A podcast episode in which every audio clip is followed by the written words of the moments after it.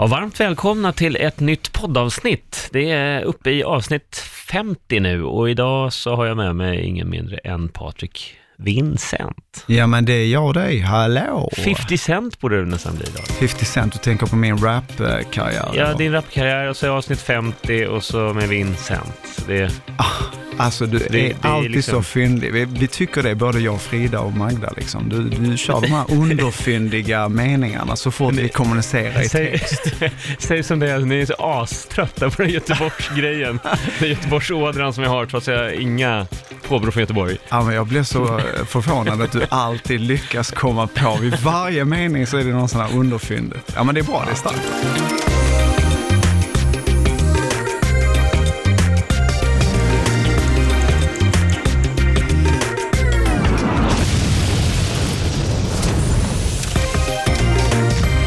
Men idag ska vi snacka om eh, saker som både du och jag har lite bakgrund inom, nämligen eh, sälj. Och vi ska ju inte prata sälj, du ska inte sälja på er något där hemma. Men eh, Nej. däremot lite vad, vad säljare använder för typ av eh, tricks och tekniker och så vidare för att få kunderna och köpa så mycket som det bara går. Just det, och vi är duktiga säljare båda två och vi har även utbildat inom sälj och så, så vi kommer inte prata utifrån att någon ska bli mer duktig som säljare, utan mer, precis som du nämnde, det här psykologin och tricksen utifrån köparens perspektiv, att ni kanske behöver vara mer uppmärksamma och lyhörda så att ni inte faller de här groparna hela tiden. Ja, precis. Det är ju så. Varje gång man eh, kommer i kontakt med en säljare så har ju de, trots allt oavsett om det är i en eh, butik, elektronikbutik eller någon som ringer hem på kvällen eh, som telefonsäljare, Oh, de där gillar inte jag. ja, med elbolag eller vad det kan vara, så har ju de en uttalad eh, strategi och en uttalad teknik för att nå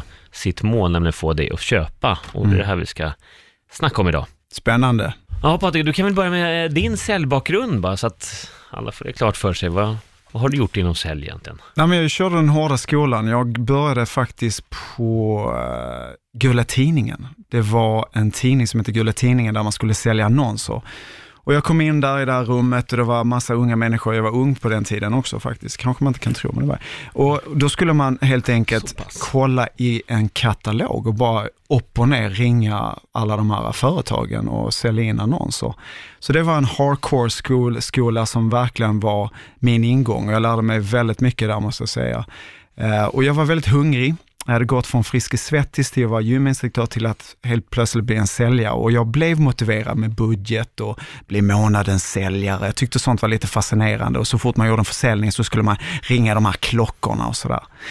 Så strax efter ett år så gick jag över till MTV och eh, blev faktiskt rekryterad och sålde eh, reklam, tv-reklam och sponsorskap. Och eh, det var faktiskt en fascinerande årsperiod där och eh, efter MTV så gick jag över till Discovery Channel. Men faktiskt under MTV-perioden så jobbade jag tillsammans med Magda. Just det. Vi gick om faktiskt- varandra. Vi gick ja. om varandra precis. När jag slutade så började hon eh, på onlineförsäljningen där. Ja, det är rätt festligt. Världen är verkligen liten. Den är ju det. Ja. Och sen Discovery Channel eh, jobbar jag också samma sak där och sålde reklamutrymme. Men därefter så blev jag så här eh, buddhistisk och lite meditations och ville jobba med något helt annat och, och jobba som coach till faktiskt Per Lange som säljcoach eh, på Lange Sales och därefter så eh, ja, jobbar vi med mäklare och utbildar och föreläste och liknande. Så det var min väg där. Det är ändå ganska tvära kasta från cell till eh, buddhistisk eh, kontemplation. Det var, det var verkligen en, en märklig vändning efter att ha varit i Indien i tio dagar. Då blev jag nästan upplyst att ja, men det här kan jag inte jobba med. Det var inte så att jag inte gillar sälj, jag har alltid respekterat sälj, men för mig så var det som om att ja, men jag vill göra något annat, jag vill hjälpa människor. Ja. Och din väg, berätta hur, Jag- eh, hur, hur startade du? Jag, jag, började efter, efter lumpen i Arvidsjaur, K4, så eh, var det någon arbetsmarknadsdag, kommer jag ihåg. Och då var Electrolux där och eh, det hade jag alltid varit sugen, men jag hade alltid hört det från väldigt många, att du borde bli säljare, så att jag var lite sugen på att testa det där. Och Mm. så hade jag hört att Electrolux var liksom eh, hardcore. Det var, det var Det låter hardcore. Ja, knacka dörr och, och det är en Electrolux Business School och det är ju fem olika teoristeg och så ska man ju sälja, eh, nå en viss eh, försäljning för att få ta nästa teoristeg helt enkelt. Då. Mm.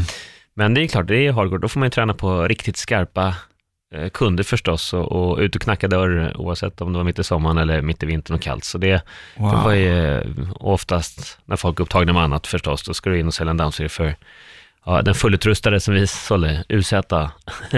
Maskinen kostade 13 875 kommer jag fortfarande ihåg, eh, fullutrustad. Så det är ju ändå rätt mycket pengar om du inte har eh, inte förberett dig på det. Så att det var ju min start. Sen har jag jobbat i olika former som eh, säljare inom dagligvarubranschen och regionchef och försäljningschef och key account manager och så vidare i, eh, tidigare. Mm. Så eh, jag alltid hur led mig varmt om hjärtat också. Jag tänkte bara det här med knacka dörr, jag tycker det är så otroligt fascinerande. Det är verkligen en hardcore-grej och det är, det är otroligt spännande. Hur många dörrar kunde man knacka eh, på en dag? Ja, det, var ju, det var ju extremt olika förstås. Eh, ibland så, eh, vi började oftast på förmiddagen, morgonmöte med nio, så man var ute i något område kanske vid halv elva, elva rycket och började knacka. För och det förvånansvärt många personer som var hemma ändå, måste jag säga. Alltså? Men eh, så, så det kunde ju vara allt från eh, ja, hundratals dörrar som han knackade på en Mm. dag om ingen öppnade. Just det. Till, jag kommer ihåg min bästa dag, då var det knacka på fem dörrar och sålde fem dammsugare. Så Wow. åkte jag hem tidigt på eftermiddagen och tränade. Och, Det är Ja, hundra- så att det, är, alltså, så det var 100 procent. det är 100 procent konvertering alltså. Och det kommer jag när jag hade gjort de fem, då, då säger jag, nej nu vill jag inte paja statistiken här, jag vill ha 100 procent. så, så jag la ner då faktiskt. En, en fråga där, vad var det som ledde till att de faktiskt köpte? Det här är ju alltså ett oväntat samtal, de öppnar dörren, helt plötsligt står Magnus där med dammsugare. Vad är det som gör att de köper? Ja men det är ju intressant det, för, ja, för det är olika skäl till det, men, men där var det väldigt tydlig säljstrategi. Eh, där jobbar man ju efter, på Electrolux, då, i alla fall på den tiden, så jobbar man efter DABA-metoden som är DABA står det för att man först ska definiera kundens behov, är första Mhm. D, och sen A, få accept från kunden på att, det här behov, att de har det här behovet, Ja. att det föreligger. Och sen B står för bevis på eh, det här, att man bevisar hur just den här dammsugaren kan faktiskt lösa deras behov. Ah. En renare matta eller tystare eller längre sladd som kommer åt eller enklare vardag på något sätt. Och har du lyckats med Och sen, trean, ja, då har du kommit inomhus, då har du kommit in i själva lägenheten. Ja, alltså, precis. Man måste in först innan man ens eh, kör igång med det här på allvar. Då. Men, men och, ja, sista A, att det är accept på bevisen så att kunden liksom accepterar. Men det här, ja, den här kommer lösa mina behov. Så att det var en väldigt tydlig säljstrategi. Sen är det ju så med alla säljstrategier att poängen utifrån säljarens synvinkel är att, Mm. Att kunden ska ju inte känna att det är någon teknik eller tricks, utan Nej. Det ska ju bara flyta på naturligt och härligt eh, och så ska de liksom av egen fri vilja helt enkelt det. köpa det som säljaren har att sälja. Wow, spännande, verkligen. Men, Nej, eh, men eh, respekt säger jag Magnus. Eh, Men sälj är ju fascinerande, men det, samtidigt är det ju väldigt eh, tabu här. Man pratar med mm, sådär, gemene man på gatan. Mm. Eh, eller Vad tycker de om säljarna? Ja, precis. Vad är det Ja. liksom generellt, vad tycker du om säljare? De flesta säger direkt bara, oh, big no-no. Liksom, nej, Ja. Det värsta jag vet är när någon kommer och ska Kräng. sälja på, ja, i en klädbutik eller vad som helst. Nej, men jag, jag vill kika runt, jag vill ju klara mig själv, jag Ja. vill inte ha hjälp. Och det, Eh, det är lite grann att man blir påtvingad eh, ens eh, privata space lite grann. eh, Och det kan man på något sätt eh, förstå. Eh, Man, man är försiktig, man, man har inte direkt den här tilliten till säljarna. Eh, framförallt inte om man inte själv har sökt upp dem. Det är en annan grej om man kommer till en bilbutik eller en sovbutik, då vill man köpa en säng eller en bil och då, Precis, och de då är i vill man ju ha intresserade hjälp. av det i alla fall, titta Ja. runt. Så att man är ju i någon slags köp-mode för just den eh, Just saken. det, precis. Ja. Och då behöver man kanske bara pusha över någon eh, eh, köpa så att säga med rätt produkt eller rätt alternativ. Men det är, men det är sant liksom, en, eh, en krängare. Varför tycker vi i Sverige att en säljare är någonting lite mer negativt? Medan vi pratar om att i USA så är det lite mer positivt. Eller Ja, i USA är de väldigt stolta över det. Det känns som att där har de det i blodet från början. Jag, jag tror att det där, eh, jag tror det dels bottnar i jantelagen också. Mhm. Jag tror att det är något. Om du som säljare så tror du ju ofta i alla fall att din produkt eller tjänst, det du säljer, är någonting. Just det. Och slår lite för bröstet, eh, på bröstet för det. Och då blir det liksom att jantegarden kommer upp på något sätt. Mm. Medan med USA, sen tror jag också det har med LAS att göra. Mm.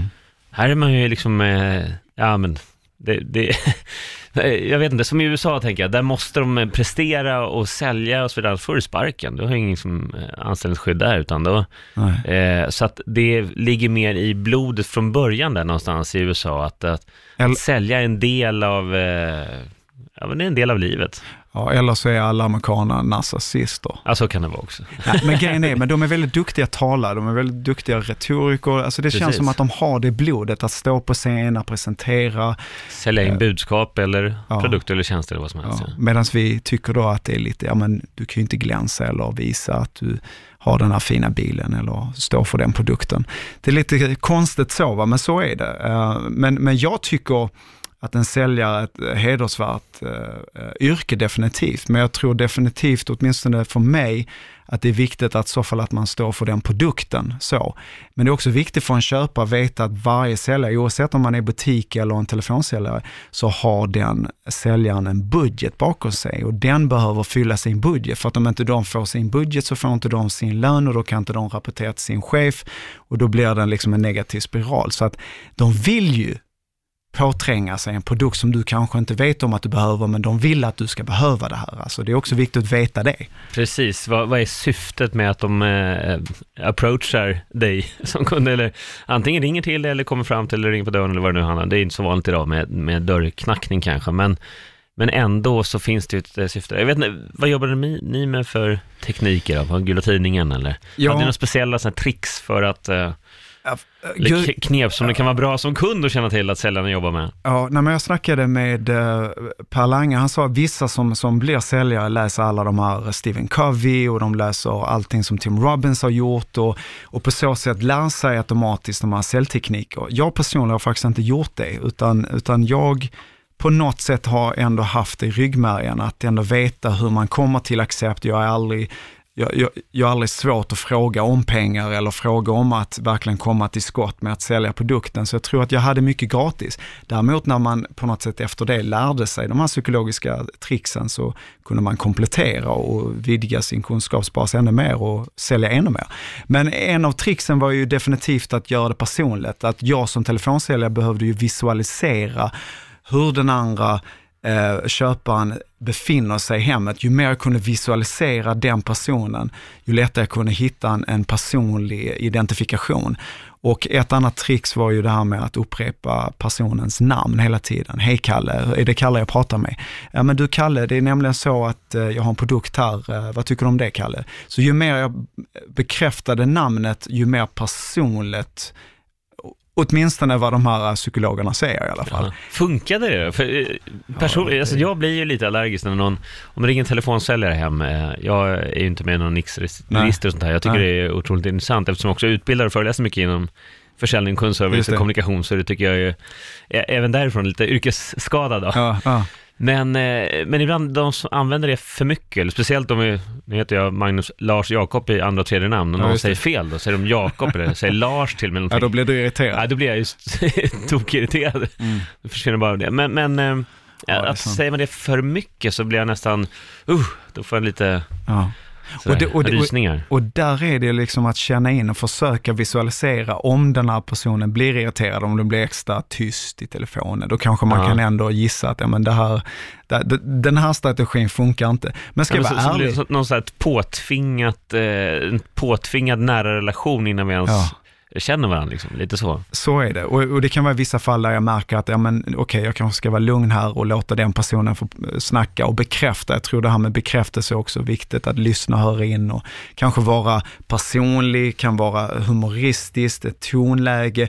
Alltså alla de här eh, sakerna har en så pass stor betydelse för att mottagaren ska eh, kunna bli mottaglig att ta in det. Men återigen, vi pratade om det här li, lite grann innan också, det här med att eh, the numbers game, alltså en, en säljare måste tänka på kvantitet och självklart också kvalitet, men just det här med att det finns ett visst antal eh, siffra som du inte kan förneka. Av 100 samtal så kommer 90% alltid att vara nej. Du kan inte göra någonting kring de här 90 samtalen, medan de resterande tio samtalen kan du faktiskt påverka. Beroende på vilken typ av kvalitet som du framförde så kan du få alla tio eller hälften fem eller två eller tre beroende på hur duktig du är.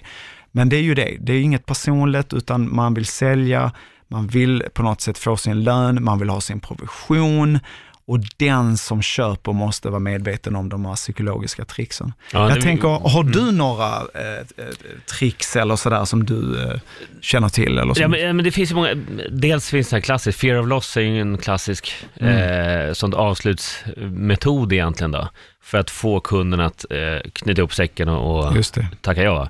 Fear of loss, alltså rädslan av att förlora någonting. Så att det här erbjudandet, det här gäller bara nu. Nu har du en sista unik chans att liksom greppa det här till det här rabatterade priset. Eller du har kampanjen så att du får den här telefonen på köpet. Mm. Eller cykel på köpet eller allt vad de förut. Ja, men hela tiden att rädslan att förlora. Jag, får, ehm, ja men vissa sånt här på mail nu får man en kampanj från, eh, jag har bland annat en, en uh, biluthyrningsfirma som har ständiga rabatter och speciellt, ja nu Europarabatter, det är hela tiden nya grejer. Varje vecka kommer en ny kampanj. Så, Och likadant så här reseföretag med ja, 76% rabatt på det här lyxhotellet. Mm. Och så står det liksom en, till och med då en, eh, det är en dag kvar och eh, 14 timmar, 37 minuter och 24 sekunder kvar på det här erbjudandet Wow. tills det stängs ner liksom. en timer. Ja, en timer. Och det är ju extremt psykologiskt det där för att då ska du veta, okej, nu är det bara, oj, det är bara 43 minuter kvar på den här. Ja. Eh, jag måste ringa och kolla med, du vet, så att kunderna ska känna den här stressen över att det här är ett supererbjudande, Mm. nu har vi den enda chansen att hugga det här. En fråga där Maggie. Trots att du är en säljare, när du ser sådana här kampanjer, kan, kan det rycka till i dig lite grann? Som om att, ja men fan det är ju sista dagen. Ja, men det, om man säger så här, om, om det är någonting som, eh, som jag ändå planerat att åka, planerat för att åka på en solsemester, så Ja. kan du hitta någon så här kanonhotell, ja men allt stämmer här. Mm. Och så råkar du se då att det är jättebra kampanjpris som är bara i fyra timmar till. Mm, Då, då är det klart att det rycker till. det. Men jag blir inte triggad av det hela tiden, för jag, jag tycker nästan komiskt att se, som just i det här fallet, den här eh, då reseförmedlaren eller resesajten, det kommer ju en ny hela tiden, så det är Ja. hela tiden ständiga kampanjer. Och det blir liksom inte trovärdigt till slut, att man vet Nej. att det, det, kommer, det är inte sista chansen i livet, det kommer komma en ny. Så fort den här är slut så kommer det tio nya olika hotell och resmål med eh, superpriser.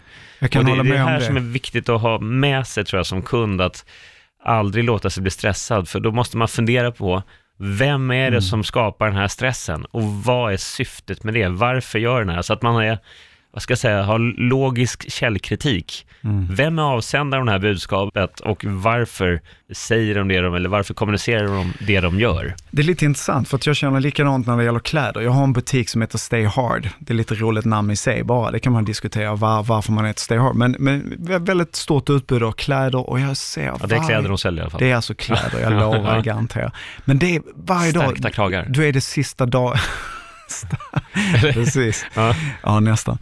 Ehm, men i alla fall, inboxen där kommer ju så här 60%, 70% i sista dagen och det kommer in varje vecka nya saker. Det, det, det är samma grej, du vet. Ja. eh, Och, och jag tycker lite lustigt hur man då kanske tror att man på något sätt ska gå på det. Men trots detta så vet ju du och jag, eftersom vi jobbar med Eh, människor från Lyxfällan som faktiskt faller för det här konstant. Och framförallt eh, så har jag ju en, en terapibehandling där vi jobbar med shoppingberoende. Och, för dem, när de ser de här shoppingkampanjerna, så lyser det i ögonen. Alltså de kan inte säga nej, för det är som om att de, var- alltså det, de, de kan inte bara säga nej. Det, det är som en impuls som inte de kan styra, som om att det fanns en vinflaska, fast istället för kampanjen så är det en vinflaska som dyker upp. Ja. Så, det- så det kanske inte är lika lätt, va? men jag tänker de här som lyssnar som kanske är lite mer, jag vet inte, riskbeteende, men åtminstone att ta tillbaka sin kontroll och veta de här psykologifaktorerna som faktiskt en säljare alltid har baktanke, alltså just vad händer behind the scenes liksom. Eh, och har du svårt att säga nej, kanske ställa dig den frågan, varför har du svårt att säga nej? Alltså är det för att du inte vill såra en säljare? Är det verkligen det? Att du inte vill såra en säljare? ja, men så kan det ju vara. Det finns ju också, det är ju också en teknik att bygga upp den här personliga relationen. Mm. Jag menar, oavsett om det är en, i en butik, en klädbutik eller vad det nu må vara, eller en elektronikbutik, sängbutik och så vidare, eller om det är någon som ringer hem, telefonsäljare. Mm. Så att ju längre samtalet har pågått, ju mer frågor du har ställt och så vidare, ju längre de har också lagt tid på, den här, eh, på just den här, det här samtalet, Just det. ju större, alltså ju mer dåligt samvete kan ju då den potentiella kunden känna Mm. om de sen tackar nej? Mm. För den här säljaren lagt massa tid och så blev det ändå inte. Så där, är ju, där vet ju vi från Lyxfällan att det är många som känner då i de lägena att ah, men nej, eh, jag behöver inte, jag har inte råd, jag vill inte egentligen, men Nej. jag kan inte såra den här säljaren. Den här säljaren har lagt så mycket tid nu, den här, hon eller han här. Mm. På det här, så att, ja men, ja, okej då. Bara för att slippa samtal, nästan för att avsluta. Just det. Så det finns ju en stor psykologisk poäng där. Verkligen. Men sen tänker jag också så här, klädbutiker till exempel, att men är komplimanger är ju en sån klassisk eh, säljknep eller säljmetod också. Mm. Att, eh, ja, lite som du var inne på tidigare, här med bekräftelse. Vi människor är ju suckers för bekräftelse, de flesta vill ju bli bekräftade för ett eller annat i livet. Mm. Och det är klart att om eh, du står där i en klädbutik och så provar du den där brallorna eller kjolen eller vad du nu har Mm. provat, vad det nu är för kund, så ja, såklart att de säger att oh wow, de där satt ju helt fantastiskt på det. Eller den där skjortan ser läckert ut. Perfekt. Så det passar alltså. perfekt med din hårfärg, eller med Ja. dina ögon, eller med din kroppsbyggnad, eller vad de nu säger. Just det. Så det är klart, jaha, Ja, ja, jag-. Så det, det är klart att det där är ju väldigt, väldigt effektivt, för där har de flesta människor en ganska låg gard. Och det är svårt att säga nej. Okej, du säger att det är helt perfekt på mig, och ska jag säga nej till det ändå? Ja. Det blir lite som att jag, jag tror inte på vad du säger. Alltså det, det blir nästan ett misstroendeförklaring om man inte köper det där Ja. klädesplagget. Det där, är så, det där är så subtilt, så slugt sätt att fånga upp en. Och jag kan säga att jag har fallit i den fällan många gånger. Jag minns att jag gick in på, eh, vad heter den, eh, G-Star-butiken och satte på mig en skinnjacka. Eh, jäklar, eh, Var Tom Cruise-känsla det var lite Tom Cruise-känsla Ja. och så kom det fram två stycken Goose. eh, kvinnliga säljare, säljare som, som berömde hur, hur snyggt det satt. Och, och de omringade mig. Jag blev ju direkt ambushad. Alltså, jag visste inte hur jag skulle ta mig ur det där. Det slutade med att jag gick ut ur eh, butiken med en, en skinnjacka. Du tänkte i- bara, vilken enorm dragningskraft den här skinnjackan har. Det här Ja. verkar ju helt, eller? Alltså, och, du vet, och, så, och sen kom jag hem och så satte på mig den här skinnjackan och tänkte, ja men är den verkligen så snygg? Det slutade med att tillbaka till butiken och lämnade tillbaka den. Men de Okej. två tjejerna, de ambushade mig och eh, gav mig en massa beröm som gjorde det svårt för mig att backa. Ja, nej men så kan, och sen för att den ska vara riktigt, eh, för att det ska bli trovärdigt den här Mm. komplimangen också, så kan ju inte klädbutikssäljaren här säga det om allt. Om du provar fem olika eller tio olika plagg, Nej, står det en halvtimme och håller på, just det. så åh den där var snygg, och den där var också jättesnygg, och den där satt suveränt, då blir det inte trovärdigt, utan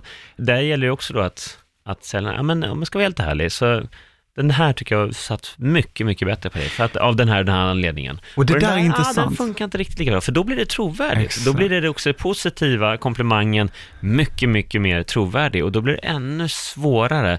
Det här är ju eh, dessutom en säljare som är ärlig och Ja. härlig. Ja. Inte bara säljare och som ger komplimanger för att tjäna pengar, utan det här är en säljare som bryr sig om mig som kund, som faktiskt berättar sin ärliga åsikt och då blir det ännu svårare att Exakt. gå emot det och säga Tack för hjälpen senaste timmen, men jag tänker inte köpa en pinal här. Ja, för, Oerhört svårt ja, ja, för de för, flesta människor. för jag skulle ju få direkt förtroende från säljare som verkligen kunde på något sätt eh, till och med vara ärlig nog och säga, nej men den där är för dyr, den där känns, du kan få samma produkt men för hälften av pengarna. Alltså en säljare som verkligen visar att de vill väl. Så, så fort jag känner ett förtroende, då har jag ju också lättare att köpa för då är min gard nere. Verkligen. Och jag tror att det är deras utmaning att alltid eh, skapa ett förtroende.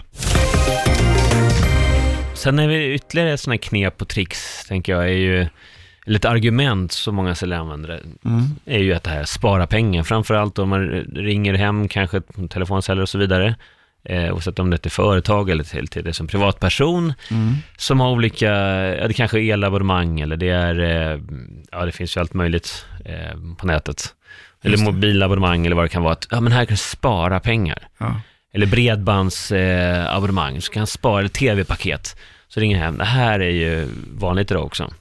De kanske som är mest aktiva på telemarketing. Att, Det är ju så. Och att, att ändå, det här spara, spara, spara, men det är fortfarande så att du ska köpa köpa någonting. Ja, men jag är eh, ändå extra. skeptisk. Jag är ändå skeptisk, utan det brukar vara säljare som ringer på kvällarna. Bara att de ringer på kvällen får mig att att få upp garden direkt där. Sen är den första meningen att jag har ett sätt här som jag skulle kunna få dig att spara. Vad har du för bla bla bla abonnemang? Jag orkar inte ens gå vidare därifrån. Det är mycket möjligt att de skulle kunna få mig att tjäna en slant eller några kronor eller vad det nu är. Men jag vet inte. Jag bara tror att alla är ute för att blåsa lite grann. Så. Däremot så lite grann att lyssna utifrån en säljares perspektiv eftersom vi säljare att kunna lära sig och, och vad, det, vad är det för tricks och sätt som de använder sig utav. Det kan vara lite intressant. Men jag vet inte, jag brukar eh, stänga ner samtalet väldigt eh, snabbt. Så. Ja. Även, även om de kan spara pengar. Jag vet ju inte det. Ja, de säger det, men, men är det så? Ja, men, men det är intressant, eh, för i vissa lägen har de ju koll på vad man har för, om man vet vad man har för abonnemang, eller i området har ni haft bara tillgång till Då vet de den här exakt. aktören, ja, på, Ja. på fiber till exempel, men nu finns ju alla att välja på. Just det. Och då vet de exakt vad du har betalt, så då är det ju en sak. Men ibland kan man ju också ringa upp och säga att vet att du kan, eh, vi kan hjälpa dig att spara pengar. Mm. Så berätta, vad, vad betalar du i månaden för en el? Så tänker man, hur vet du att du kan spara pengar åt mig om du inte vet vad jag betalar i månaden nu? Just det. Eh, tycker jag är intressant. Så, Därför att jag har diagram här, så fort du bara ser vad det är för abonnemang så har jag en kalkyl här som, som vet Exakt. eh, hur mycket du tjänar per vecka, per dag, Ja. per månad. Nej, men, men, men samtidigt så tycker jag också, man ska ju säga det också, att det, det är inte så att, eh, annars spärrar vi på den här bilden, för någonstans, eh, sälj i sig är ju inte fult, och du Nej. kan ju faktiskt spara pengar, och ibland kan det också vara bra att någon ringer upp, och- eh, ringer upp och uppmärksammar dig på att titta, vi, vi kan leverera det du har idag, och till och med ännu mer än det, eh, till en lägre månadskostnad, eller lägre peng än vad du betalar idag. Ja, men det är väl inget, det är väl fine. Så, så jag tycker man ska, som kund också, egentligen, det viktigaste tycker jag är att man har lite huvudet på skaft, att man inte köper allt med hull och hår, men kanske inte heller bara ger en stor boxnings, liksom, en rak höger i, i öronen, tänkte jag säga, i fejan på, på den här säljaren heller, Nej. utan kanske någonstans mitt emellan då, om man nu, så ett läge, att man faktiskt är, är lite om sig och kring sig. Mm. För det är ju det här, återigen, det här logiska, att man tänker till, vem är avsändaren, vad har de för syfte att säga det här, men om de har någonting som du faktiskt är intresserad av, kanske en tidningsprenumeration eller en e-tidning eller vad det nu är för någonting, ja men du vill ha, ja, är det ett bra erbjudande så varför inte? Precis, och det, kan, att har koll på vad det är du går med på. och det kan ju vara ett behov som du inte visste fanns, men som faktiskt dyker upp så fort det här samtalet kommer. Men det gäller ju precis som du säger, det här med att skilja sig åt vad som är önskan, vad som är behov och också inte gå in på det här personliga. För ofta så är en säljare väldigt duktig, till exempel att eh, skämta lite eller säga, om jag hör att det är lite eh, ljud i bakgrunden, har du barn? Och så börjar hon berätta om att de har två, tre Exakt. barn och så går man in på lite personligt. Redan där har man en anknytning och där kommer det bli betydligt svårare för en köpare att säga nej. Så att om du är medveten bara om de här bitarna och verkligen går tillbaka till dig själv. Vill du ha den här produkten? Eller har du svårt att säga nej så tror jag att det är viktigt för dig att urskilja sig och lära dig på att på något sätt separera dig så du inte köper massa onödiga saker. Ja, men det tror jag är väldigt viktigt, att helt enkelt rensa, rensa det här erbjudandet som Mm. du precis har fått presenterat för dig från, från att lullull, känslor och, och annat, utan se det erbjudandet. Vad är det exakt som de erbjuder för vara eller tjänst? Och vad ska jag betala för den? Och varför eh, behöver jag verkligen det här? Är det, är det ett önskemål som sagt, vill jag ha det här eller måste jag ha det? Om det nu är så att det funkar. Så att man skalar bort allt det där mjuka som egentligen är lite säljlullull för att få dig med på tåget. Hur gör man det då? Jag tänker, skulle man som köpare kunna säga, är det, är det okej om du ringer tillbaka om, om några timmar eller imorgon så man får på något sätt komma tillbaka till någon slags neutralt läge och faktiskt utifrån det spacet kunna avgöra. Jag tycker det är en väldigt bra metod. Jag kör den Ja. själv ibland, för det, det händer ibland att, eh, eftersom jag driver eget bolag, då är det en del telefonsäljare som ringer i, med olika saker de erbjuder, så kan jag, ja men det här, ibland kan det faktiskt vara saker, ja men det här, vet du, det här skulle kunna vara intressant. Mm. Jag har funderat lite på det här i de här banorna på egen hand där. Och så du ringer rätt lägligt för, faktiskt. Och det här är någonting som jag skulle kunna eh, tänka mig och gå in i på, no, på något sätt. Just det. Och då är det Men- bra att de kan mejla dig. Precis, typ så. men, men jag, av princip så går jag inte in pang bom här nu, Mm. utan jag vill eh, låta det här landa, vill fundera på det. Så, så kontakta mig imorgon, Mm. eller sitter i bilen i övermorgon i tre timmar på förmiddagen, då kan du ringa mellan den, den tiden. Och eh, säger de okej, då, så, då kanske det kan bli deal. Om det inte är så här, det är sista sekunden, du har bara en Exakt, timme väldigt dig. många är det faktiskt. Nej, det här gäller bara nu, för Ja. då är det så att i deras, oftast då antagligen i deras system, så är det så att den här här, har inte det system, man får inte ringa upp igen, de kan inte lägga in det i sitt system, Ah, utan då kanske det här, någon dator här fördelar ut numret på, det råkar bli en kollega som Exakt. random då ringer upp dig och får affären och får, och- efter den här personen lagt allt jobbet. och då får inte de provisioner på Precis. sin budget. Så det. därför är det ofta så här, men det är här och nu, och då kan jag säga, ja, men då är det inte intressant. Då är det tack och hej. Och det blir väldigt frustrerande förstås för den personen, men eh, återigen, där tycker jag det är viktigt för alla där ute också som liknande situation att fundera på att det är trots allt, det är du som ska betala för det här och det är du som måste motiv- motivera för dig själv varför du gör det här inköpet. Så om du känner dig pressad eller stressad av en säljare, oavsett om det är telefon eller per butik, Eller tvekar, tvekar. så då ta inte beslutet, utan fundera först och låt det sjunka in. Precis. Låt oss titta på säljare. Ofta ser de att en duktig säljare är de värsta köparna, som alltid är köptorskar. Ja. De bara köper allt. Kan vi förklara varför det är så? Ja, äh, men det är väl, en- det, jag, tror att det handlar mer om beteendestil där faktiskt. Att det är en viss typ av människor som är kanske lite extroverta, eller sociala, de...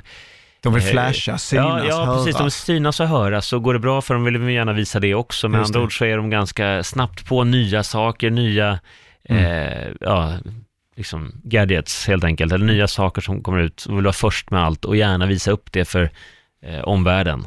Eh, och därför blir de automatiskt så ganska stora köptorskar helt enkelt. Och kanske också att man känner igen sättet att tala, kommunikationsmässigt, att en säljare känner oftast igen en annan säljare. Det är lätt att Du- du eh, connecta, man får kemi och man kan Precis. garva, man har samma humor liksom.